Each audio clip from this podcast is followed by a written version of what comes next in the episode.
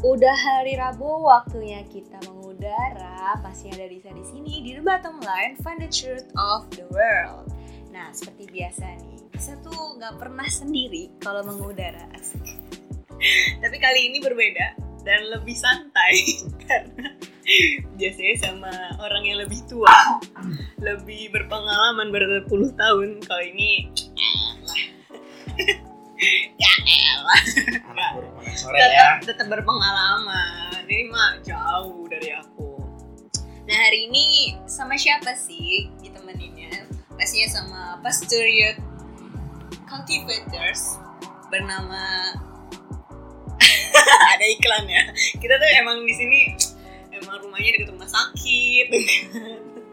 Mau jadi bising nggak apa-apa. Bising duniawi nggak apa-apa. Yang penting kita tetap Asik. Nah hari ini kita mau ngobrol bareng Kak Efesus lagi. hai halo halo halo halo Kak Efesus ini sangat tenar di podcast kita. Asik. Tapi nggak apa-apa. Kita bukan soal ketenaran, tapi kita saling membagi ya, membagi firman Tuhan lagi dan lagi. Karena kita nggak pernah bosan bagi firman Tuhan ke teman-teman semua. Iya. Nah hari ini kita mau bahas apa sih kak? Bahas apa Wah. sih kak? bebas kita mau bahas apa Bahas apa?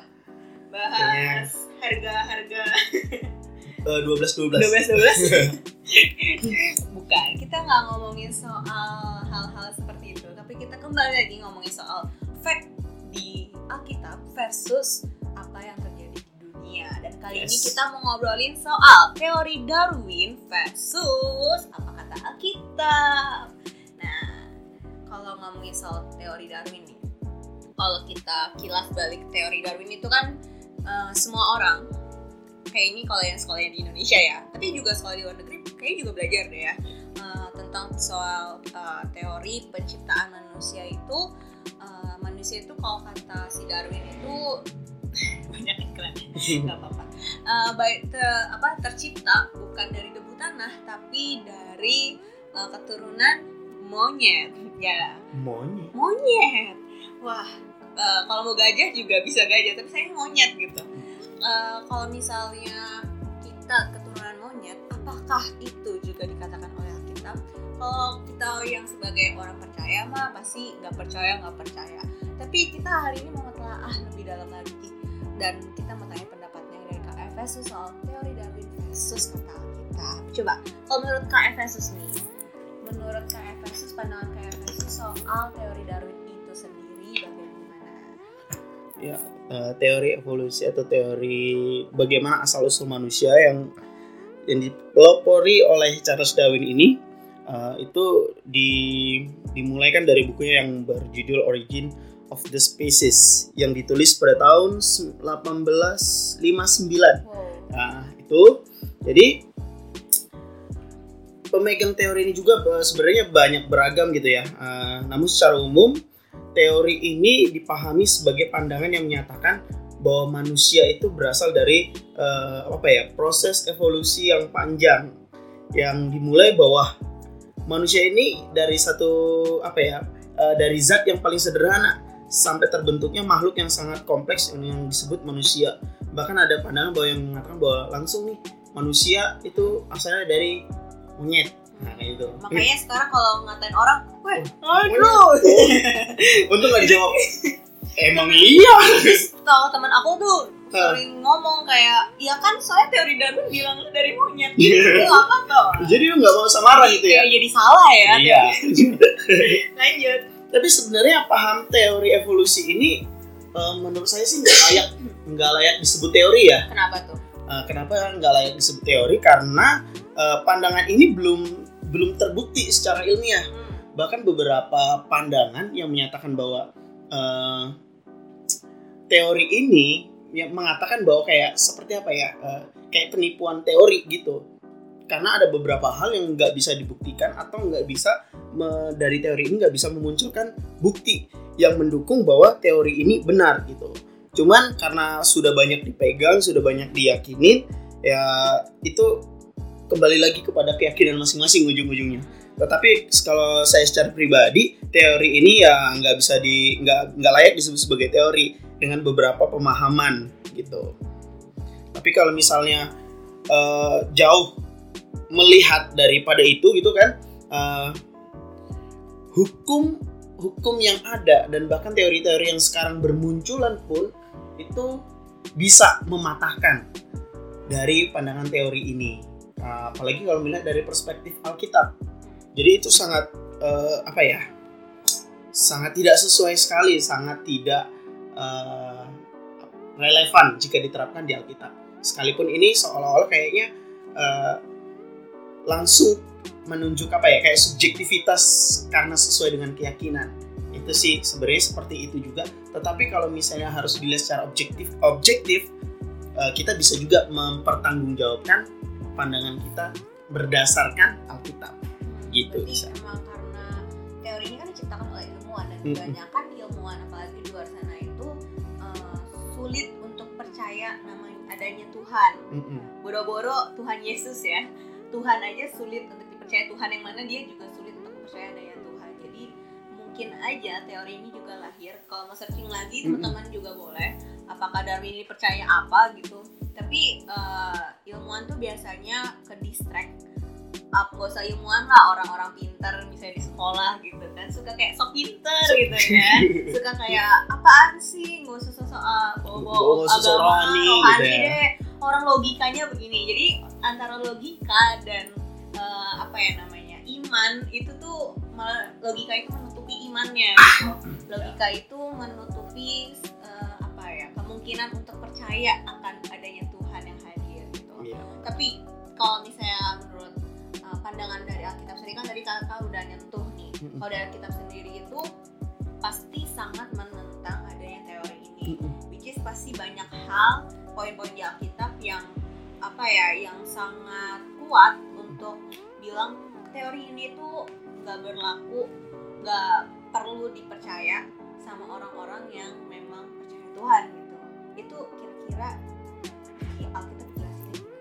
Oke, sebelum kita masuk ke ranah itu, yang harus kita yakini dan harus eh, ya keyakinan kita yang menjadi dasar untuk mengetahui nih sebenarnya teori itu gimana sih? Yang pertama kita harus ketahui adalah bahwa Alkitab adalah firman Allah. oke Ya, itu setuju ya? dasarnya. Itu itu dasarnya. Alkitab adalah firman Allah dan di dalam Alkitab itu tidak ada kesalahan. Uh, pemaknaannya, isinya, sekalipun di dalam kapan menulisannya, ya itu lain lagi lah bahasanya. Tapi di dalam Alkitab yang harus diyakini adalah tidak ada kesalahan atau aksioma. Jadi kebenaran yang ada di dalam Alkitab adalah kebenaran mutlak karena itu adalah firman Allah. Itu yang pada yang pertama yang harus digarisbawahi. dan mungkin kalau di Alkitab itu uh, mungkin kita nggak bisa ngerti tapi tetap kita nggak bisa menyalahkan misalnya kadang kayak baca Alkitab ini apa sih Mm-mm. ngaco kali ini mungkin Mm-mm. kan tapi tetap itu tetap benar karena sebagai manusia kita nggak bisa mengerti seluruh Iya. isi firman Tuhan kali ya Jadi pemaknaan, uh, pemaknaannya, Pemaknaannya. pemaknaannya itu udah pasti bener deh. oke menurut apa yang dikatakan Tuhan melalui firman-Nya yang tertulis di dalam Alkitab gitu. Jadi saat melihat Alkitab, yang pertama memang harus dilihat dari perspektif iman. Itu udah pasti karena kita percaya bahwa Alkitab adalah firman Tuhan. Yang selanjutnya adalah Alkitab dari perspektif ilmu pengetahuan. Ini jelas. Kalau di kalau Alkitab tidak kita lihat sebagai perspektif ilmu pengetahuan, maka itu akan jadi kayak apa ya, sebuah dongeng gitu aja. Nah, jadi kenapa Alkitab saya katakan harus melihat dari perspektif ilmu pengetahuan karena itu harus eh, apa ya bisa dipertanggungjawabkan Eh, terus apa ya sifatnya itu eh, empiris objektif eh, terus analistis dan verifikatif jadi kalau ada unsur-unsur ini maka Alkitab itu bukan hanya sekedar tulisan yang nggak ada maknanya tetapi kita bisa mempertanggungjawabkan dan itu menunjukkan kualitas keimanan kita yang tinggi dan itu adalah bentuk sebagai bentuk apa ya pertanggungjawaban iman kita terhadap Alkitab. Terus kaitannya untuk menjelaskan eh, itu itu ada kaitannya penjelasan tentang eh, penciptaan manusia atau asal usul manusia tersebut. Supaya apa? Supaya kita bukan hanya sekedar beropini aja. Ya kita yakin bahwa manusia diciptakan oleh Tuhan dari debu dan tanah yaitu karena keyakinan kita. Karena itu bisa saja sifatnya subjektif. Tetapi saat kita memiliki dasar untuk menjelaskan itu dengan eh, dengan unsur-unsur ilmu tadi eh, dari perspektif keilmuan tadi Nah itu kita bisa memberikan jawaban yang uh, sulit untuk dipatahkan bahkan nggak bisa dipatahkan. Gitu. Jadi itu uh, jawaban yang apa ya? Yang kredibel gitu loh. Jawaban yang yang yang bisa kita pertanggungjawabkan dengan menunjukkan bukti-bukti baik itu bukti secara internal ataupun bukti secara eksternal. Jadi pengertian dari bukti internal itu adalah bukti apa yang ada dalam Alkitab. Apa yang Alkitab tulis itu adalah bukti uh, apa namanya bukti internalnya dan bukti eksternalnya adalah nah ini hebatnya sains yang Tuhan izinkan ada di dunia ini adalah setiap penemuan setiap uh, teori segala macam yang ada itu membuktikan bisa kita gunakan sebagai bukti eksternal yang menyatakan bahwa Alkitab itu benar gitu. jadi ketika kita mengatakan manusia diciptakan oleh Tuhan dengan prosesnya Tuhan bahwa manusia itu uh, nggak tiba-tiba langsung ada apalagi ber, berasal dari monyet. Mm -mm. Uh, kalau itu makanya di Alkitab sangat, ber, uh, sangat berseberangan dengan teorinya evolusi Darwin tersebut mengenai asal usul manusia. Jadi karena jadi kayak gini, ketika Tuhan menciptakan segala sesuatu, lalu setelah menciptakan segala sesuatu Tuhan menciptakan manusia. Jadi Tuhan menciptakan itu apa serupa dan segambar dengan Allah. Itu yang harus kita ketahui per, uh, pertama kali. Nah, kalau misalnya kayak gini, uh, bisa bayangin nih, kalau misalnya manusia menurut Alkitab diciptakan serupa dengan segambar dengan Allah. Tapi okay. tapi, tapi ada ada pendapat ada teori yang menyatakan manusia dari monyet. Nah, itu artinya juga. kan nggak mungkin. Berarti serupa dan segambar dengan Allah. Terus dikatakan monyet. Berarti kalau Alkitab setuju dengan teori Darwin, berarti Allah kalau teo pakai teori matematika jika maka nggak bisa nggak bisa. Itu logikanya si simpel itu juga ya. Oke okay, oke. Okay. jadi sebenarnya di Alkitab pun udah jelas kita serupa dan segambar, tetapi uh, kalau misalnya lihat tadi teori Darwin itu sendiri kalau kata Om Sadra kan kemarin teori-teori dunia ini tuh sebenarnya kita sebagai manusia yang percaya kita terbuka mm -hmm. tetapi kita terbuka itu belum tentu percaya mm -hmm. belum tentu menyetujui yeah. kalau misalnya menurut kakak sendiri gitu uh, aku mau nanya misalnya kita punya temen nih mm -hmm. temen yang uh, mungkin percaya nggak percaya atau mungkin dari iman lain gitu tapi dia ngotot ya kan kan teori ini uh, diajarin sama banyak uh, orang di dunia semua apa seluruh seluruh negara juga hmm. mempelajari teori ini terus uh, kenapa harus nggak percaya gitu tapi kan kalau misalnya ngomongin langsung di dalam Alkitab begini-begini gitu kan kalau kita sebagai yang percaya pasti akan oke okay, gue yang ngerti gue yang ngerti ini hmm. ada ayatnya di sini di kejadian serupa dan segala sama Allah tapi soal gimana cara menyampaikannya secara simpel tapi langsung pada intinya gitu gimana sih kak kalau dari kakak sendiri ada sebenarnya ada joke kayak gini kalau memang manusia berasal dari monyet coba deh perhatikan uh, umur monyet mm -hmm. di Indonesia ini uh, panjang umur monyet ini berapa gitu kan mm -hmm. terus tanya sama orang tua atau sama kakek yang ini kalau misalnya udah sekian puluh tahun umurnya dia hidup di dunia ini atau di Indonesia pernah enggak ada seekor monyet terus berevolusi menjadi manusia selama sepanjang hidup ini? Hmm. itu juga menjadi satu pertanyaan yang kayak memang sih kayaknya uh, pertanyaannya remeh remeh temeh banget gitu. Tapi itu menjadikan orang berpikir iya juga ya kalau memang manusia berasal dari monyet berarti di Indonesia ini secara khusus kita ngomong di Indonesia aja lah udah nggak ada monyet dong. Benar benar. Ya kan?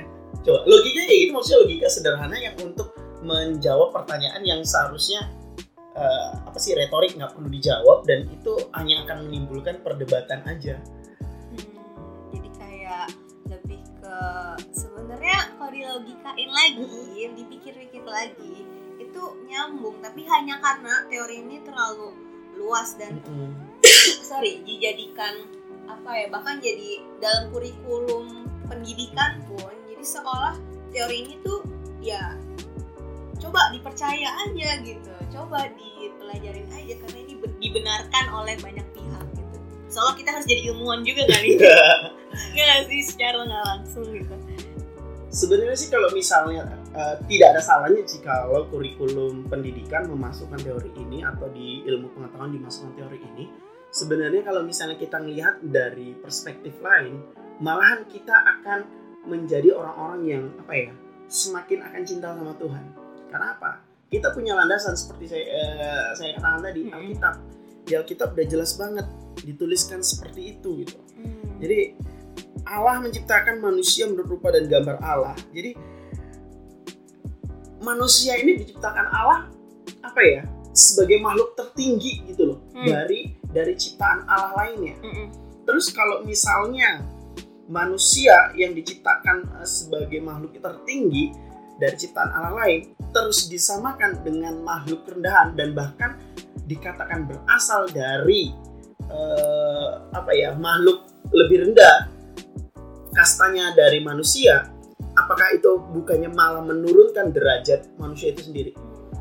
Coba apakah ada sekalipun eh, memang sih ada katanya eh, Spencer itu otaknya kecerdasannya hampir menyerupai kecerdasan manusia tetapi tetap ada perbedaan antara manusia dengan monyet dengan spesies itu perbedaannya kayak gini manusia diciptakan serupa segambar dengan Allah itu udah pasti otomatis maksud serupa dan segambar dengan Allah itu adalah ya apa yang ada dalam Allah itu pasti ada dalam diri manusia termasuk perasaan cinta Eh, apa ya perasaan emosi segala macam yang ada di dalam Allah itu nyata di dalam kehidupan manusia Akal budi. akal budi.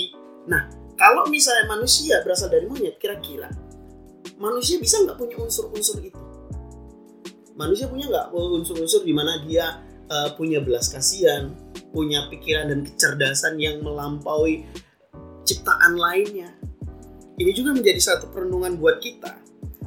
Di dalam diri manusia ada yang namanya potensi. Ada yang namanya uh, apa ya? Hasrat atau keinginan untuk terus mengembangkan diri. Nah, sementara kalau misalnya kita melihat yang dikatakan monyet sebagai eh, apa namanya asal usul dari manusia, kayak itu sesuatu yang jauh berbeda. Sekalipun di dalam teori evolusi dinyatakan ada yang namanya proses perubahan tersebut. Tetapi apakah sampai sampai signifikan seperti itu banget?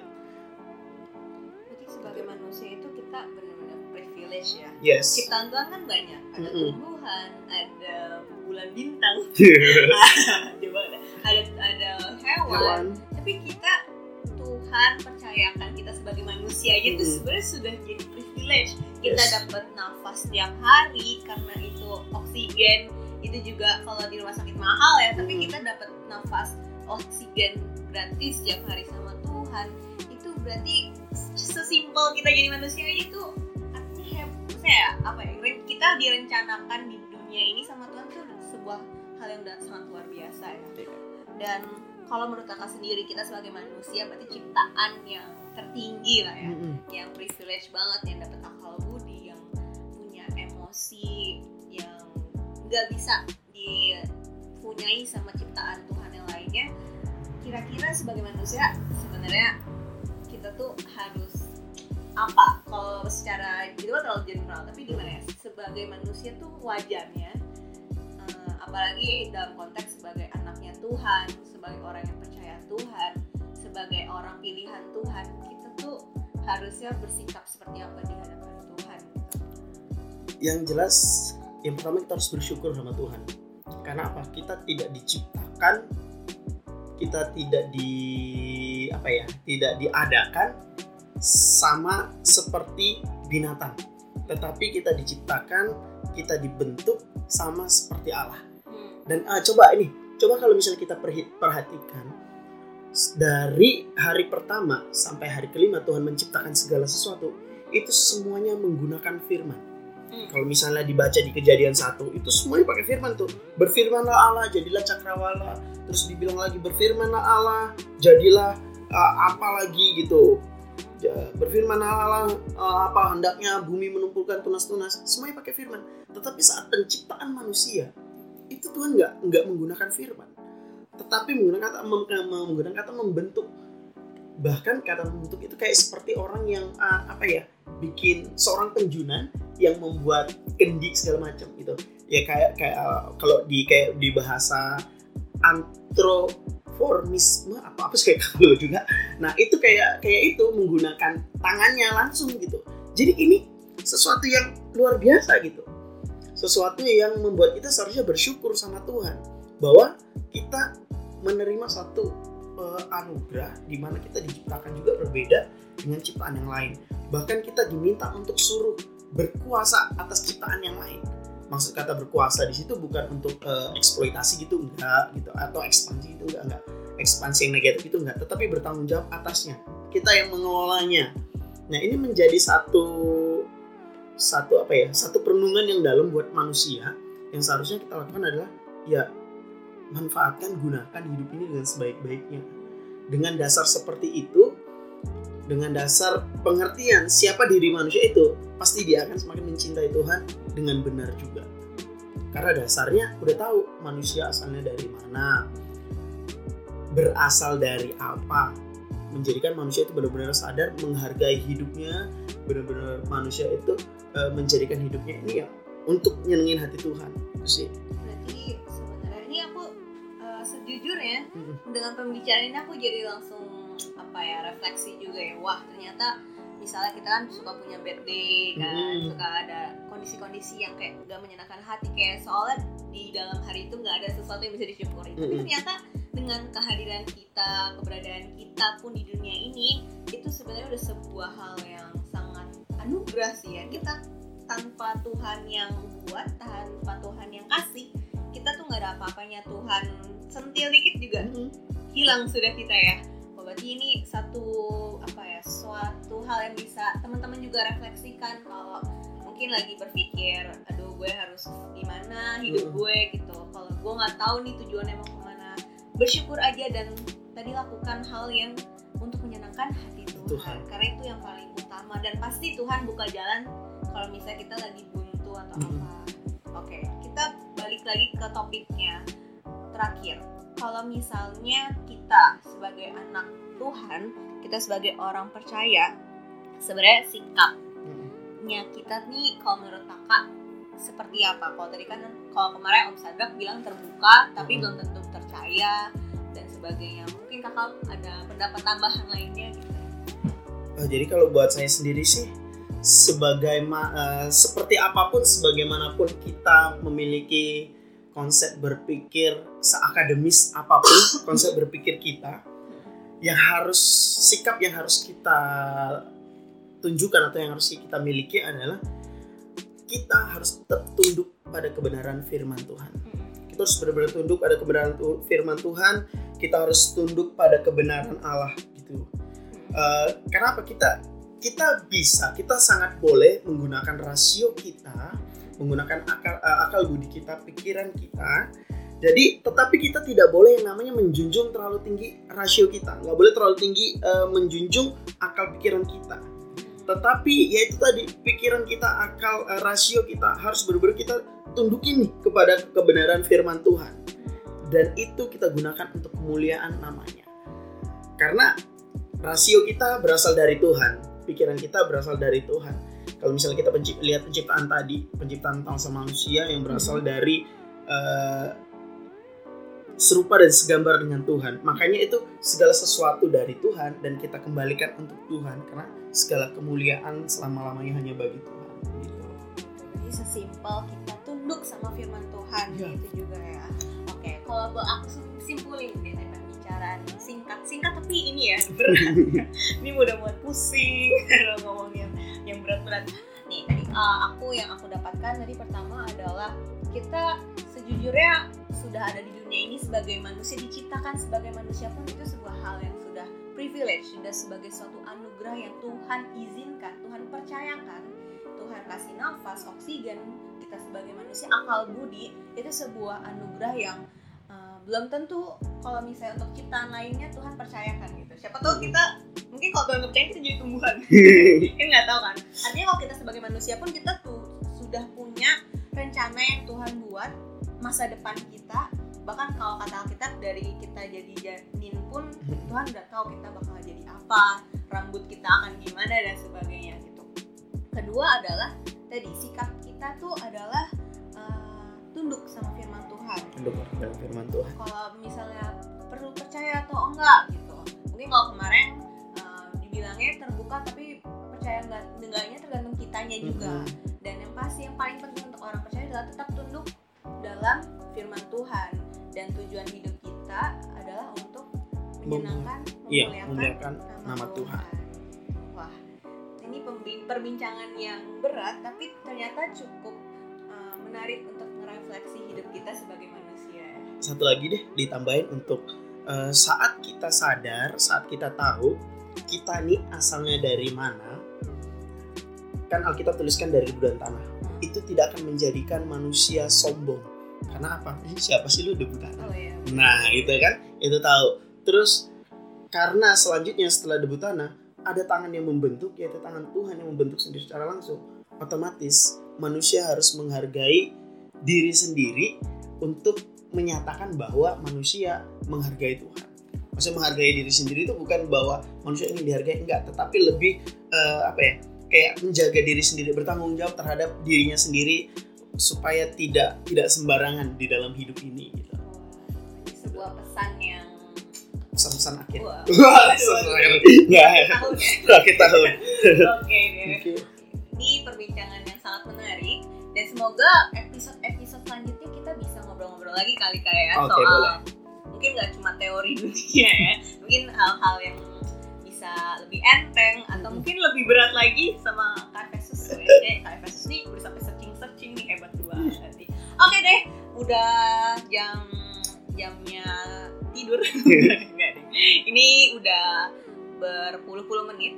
Waktunya Disa harus pamit dan juga Kak pamit. Thank you banget Kak untuk waktunya. sama-sama. Terima kasih. Dan buat teman-teman yang mau dengerin podcast Youth Cultivators itu masih ada podcast di hari Senin ada Pips Talk sama Sharon itu bakal ngobrolin tentang uh, kehidupan orang-orang di wawancara.